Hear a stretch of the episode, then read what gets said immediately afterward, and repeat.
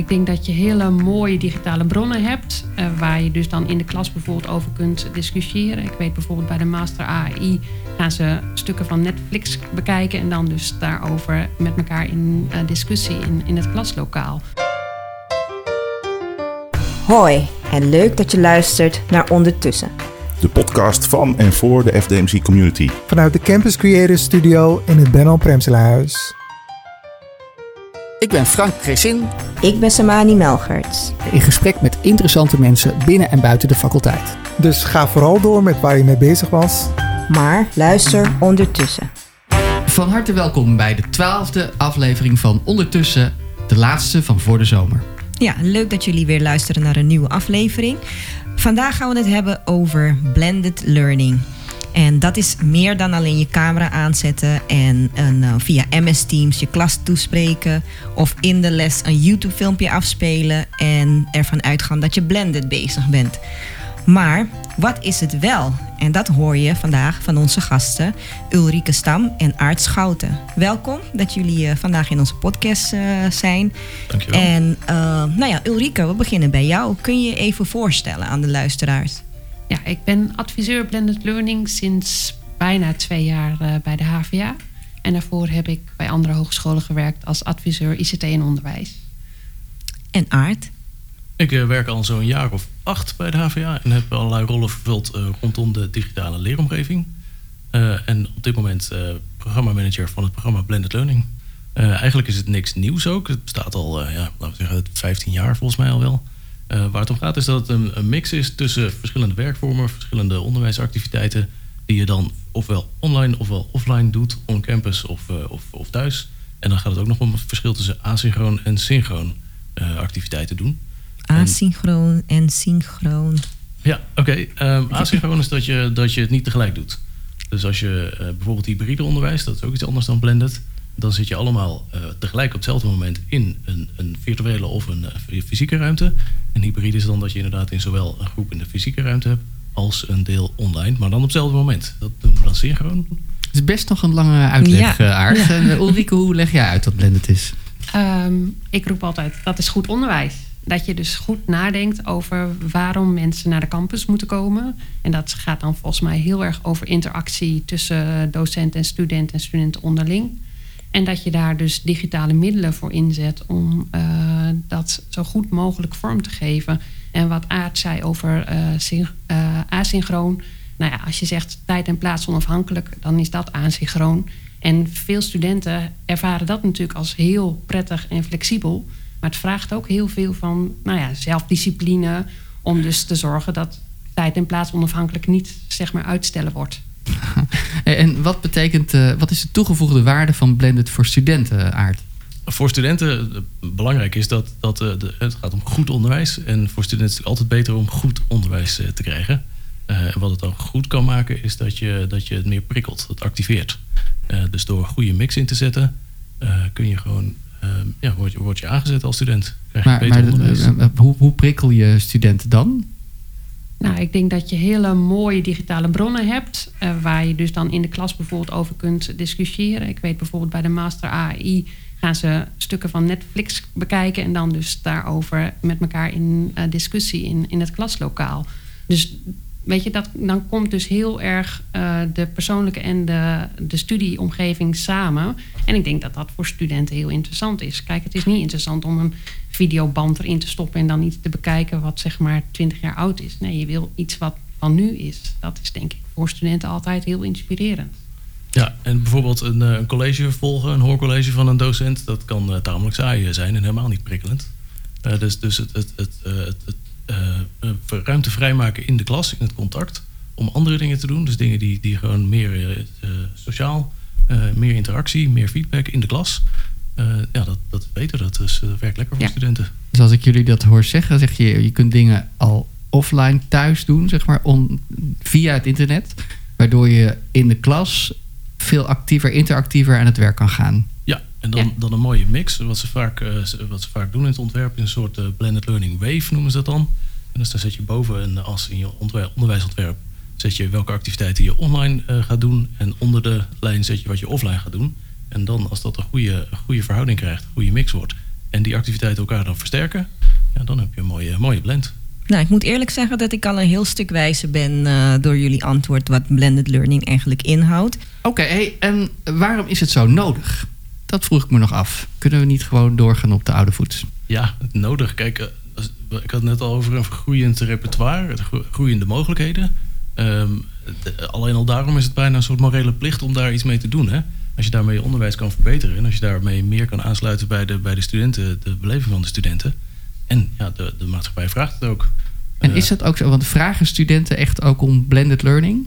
Goede mix? Nou, volgens mij niet heel expliciet, maar je merkt het heel sterk in de, in de, in de, eh, in de beleving van studenten. Ehm, eh, de verwachting die ze hebben is, is niet anders.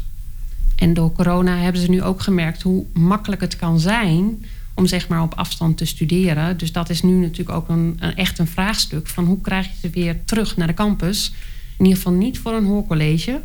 Ehm, dus daar moet je over nadenken van hey, hè, hoe, hoe zorg je ervoor dat het een meerwaarde heeft hier, om hier te komen. En wanneer is eh, blended learning nou echt succesvol, Aard? Hm, ja, dat is een hele goede vraag. Want het is, het is lastig om precies aan te geven wanneer een, een blend eh, goed is. We hebben het natuurlijk over goed onderwijs. Ehm, dus, dus hoe die blend er dan precies uitziet, dat kun je eigenlijk niet. Ja, dat, dat is eh, heel erg afhankelijk van die context. Maar, maar het gaat ook om het resultaat. Hè? Dus is er minder uitval? Eh, zijn studenten tevredener? Leren ze meer? Eh, zijn ze beter gepositioneerd voor de arbeidsmarkt? Dus, nou, ja, precies. Je noemt Maar- ze eigenlijk allemaal al. Dat, Maar- dat, dat zijn ze. Ja. Maar hoe gaan we dat dan echt, echt bewerkstelligen, zeg maar? Eh, nou ja, de- we, gaan, we gaan de docenten beter toerusten om goede blends te kunnen ontwerpen en goed, goed blended onderwijs te kunnen geven. Ehm, en dan moet, als het goed is, moet zeg maar de, de, die, die, die, die schalen die je net noemde, die moeten beter worden. Hè? Dus dan moet je effect kunnen, kunnen gaan zien op termijn op die punten die je net noemde. En, en zien we dat al? Zien- eh, sorry? Gegeven dat we de studenten inderdaad weer terugkrijgen naar de campus en Ah, dus ja. daadwerkelijk blended learning kunnen, kunnen aanbieden. En, en zien we die effecten al of is het daar nog te vroeg voor? Wij zijn wel bezig vanuit het centrale programma om, eh, om inderdaad vanuit de doelstellingen die vanuit het programma zijn meegegeven. En die gaan over eh, studenttevredenheid, die gaan over studentsucces. Vooral en kwaliteits van het onderwijs. Daar zijn we nu een enquête voor eh, aan het uitzetten. Waarschijnlijk hebben een aantal van jullie luisteraars eh, die ook al wel gezien eh, in Brightspace. Ehm, en daar eh, proberen we de effecten nu in ieder geval voor de eerste keer al te meten. Maar de bedoeling is dat we dat over, volgend jaar, over een jaar nog een keer doen en over twee jaar nog een keer. En dan hopen we een positieve trend daarin te zien. En ik zie eh, Ulrike echt knikken. Ja, ik denk dat eh, het te vroeg is. Hè. We, het afgelopen jaar was natuurlijk deels blended, deels gewoon echt online eh, onderwijs. Ehm, en wat ik nog toe wil voegen is dat ik ook ehm, echt geloof dat we niet moeten vergeten dat we die studenten ook moeten helpen blended learning goed te, eh, te vatten. Want wat ik al zei, online leren, dus hè, dat tijd en plaats onafhankelijk leren, het vraagt echt iets van je eh, motivatie, van je zelfregulatie. Van hoe pak ik dat nou aan? Hoe zorg ik er nou voor dat hè, als ik dit moet lezen, dat ik dat dan ook af heb voor de volgende de les? Dat zijn gewoon dingen waar we denk ik eh, studenten nog echt beter kunnen in ondersteunen. Nou, hebben jullie nog praktijkvoorbeelden van succesvolle toepassingen met betrekking tot blended learning? Ehm, nou, binnen FDMCI hebben we zeg maar, de afgelopen twee jaar allerlei eh, best practices verzameld van verschillende opleidingen. En wat je eh, ziet, dat, dat, dat zijn vaak individuele docenten die daar dan een, een, een passie voor hebben en zeggen van goh, eh, ik, ik zie daar mogelijkheden in, daar ga ik mee aan de slag. Bijvoorbeeld docenten van HBO-ICT die zeggen van nou, tijdens de corona hebben wij dus twee lessen tegelijk online lesgegeven. Waardoor je dus één docent hebt die zeg maar eh, het, de presentatie doet. En de andere docent kan dus de vragen in de chat bijhouden en beantwoorden. En op die manier eh, maak je dat hoorcollege dus eigenlijk al interactiever. Omdat je dus als docent... Hè, de een kan het verhaal echt goed vertellen... en de ander kan dus eh, die interactie met de studenten goed eh, vormgeven. Ja, ze zeiden daarbij juist ook expliciet dat ze eh, juist online uh, Ja. hoorcollege gingen doen. Hè? en Niet meer fysieke Nee. hoorcollege. Ja. Ja. ook een grappige uh, komst. Hoe worden deze best practices gedeeld met Eh, elkaar? dus over de opleidingen. Want ja. je noemde net HBO-ICT, maar Nou ja, vanaf volgend jaar gaan we echt inzetten op het verzamelen en delen van eh, best practices. Want er zijn gewoon echt heel veel docenten die mooi bezig zijn. En bijvoorbeeld bij COCB in de nieuwe Stone wordt natuurlijk ook echt nagedacht over hoe blended learning daar een, eh, een eh, rol in krijgt. En eh, wat is je favoriete voorbeeld? Nou, wat ik een heel mooi voorbeeld vind bij Amfi bijvoorbeeld, is dat er een online summer school is. En wat dat zeg maar nog extra meebrengt, is dat eh, internationale studenten natuurlijk veel makkelijker kunnen aansluiten bij zo'n summer school dan als je het hier fysiek zou organiseren. Dus, dus dat geeft heel veel mogelijkheden. En is dat dan blended? Eh, dat is online. ehm, maar daar kun je nog steeds eh, zeggen van... het is een hele bewuste ontwerp geweest... om het op deze manier te doen. Dus blended is wat mij betreft van 0% online tot 100% online... als je er maar goed, eh, goed over nagedacht hebt. Hoe ver zijn wij nu met blended learning? Hoe, hoe blended zijn we eigenlijk? Mijn gevoel is dat we op heel veel plekken heel ver zijn al. Dat er echt heel veel kennis is al. Ehm, dat het ook echt enorm verschilt per plek in de organisatie waar je kijkt. Ehm, en dat is op zich ook goed, want we stellen, eh, we stellen natuurlijk ook voor dat we eh, de opleidingen zelf hun eigen stip op de horizon zetten qua waar je heen wilt, dus de ambities. Ehm, en ja, dat is, eh, het korte antwoord is, het is gewoon heel verschillend. En er worden er gebeuren hele mooie dingen, maar sommige, sommige plekken moeten we nog echt wel ontwikkelen. En als we kijken naar andere instellingen waar blended learning wordt toegepast, valt er nog winst te behalen voor ons? Of eh, zijn we helemaal up-to-date qua blended learning tools en inzet daarvan? Nou, volgens mij, als ik, als ik het antwoord geef, dan zijn we best goed bezig. Eh, zeker als het vergelijkt met universiteiten, dan lopen we voor. Ehm, maar er zijn natuurlijk altijd hogescholen die, eh, die, die zeg maar gemiddeld gezien beter zijn. Maar ik denk dat onze, onze mooiste voorbeelden eh, doen wel echt mee met, eh, met de landelijke top. En wat is jullie droom nou echt voor blended learning? Als je denkt, eh, kijk vijf jaar vooruit, eh, wat zien we dan? Nou, als we over vijf jaar docenten hebben die zeg maar geïnspireerd zijn, zich competent voelen en echt ook ondersteund voelen om dus blended learning eh, te gaan doen. En dat het niet een soort van ik, ik weet het niet of ik wil het niet, maar dat, dat, dat het inderdaad een soort standaard repertoire is. Ja. Ehm, en, en dat studenten en docenten daar dus allebei heel, eh, zich er heel prettig bij voelen. Aart, je bent programmaleider van het programma Blended Learning van de HVA. En dat doe je samen met Ria Bruins. Wat is het precies? Wat doe je precies? Het programma is, eh, is gebaseerd op, op vraagsturing, eh, maar we hebben vijf aandachtsgebieden, vijf pijlers waar we het programma op, op opbouwen. Eh, dat is in de eerste plaats de stip op de horizon. Eh, dat gaat over de ambitie, waar wil je naartoe, hoe ver wil je gaan als opleiding. De tweede gaat over eh, herontwerp van onderwijs. Dus wij ondersteunen de, de, de, vooral de facultaire ondersteuning die, die ontwerpvraagstukken oppakt voor opleidingen.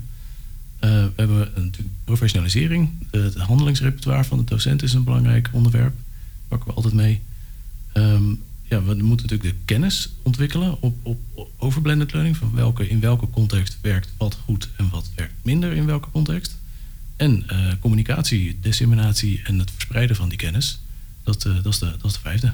Op de website ola.fdmc.hva.nl staan ook allerlei verwijzingen naar wetenschappelijke eh, onderzoeken en andere interessante bronnen. Als je zegt van goh, dat blended learning, ik vind nog een beetje vaag begrip, dan kun je daar de onderbouwing vinden waarom dit echt goed onderwijs gaat opleveren.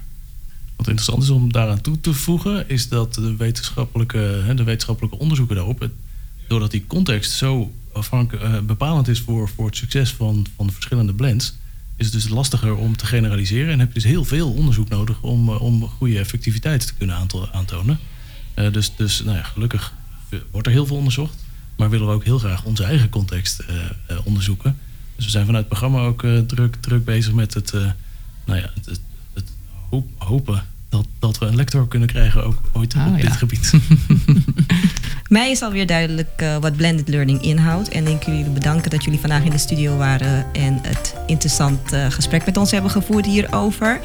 En eh, ik wil ook de luisteraars bedanken voor luisteren naar de podcast. En nodig jullie uit om na de zomervakantie naar de volgende podcast te luisteren. En ondertussen een heel fijne zomer te genieten en als herboren weer terug te komen. Nou, dankjewel iedereen en tot de volgende keer. Tot de volgende keer.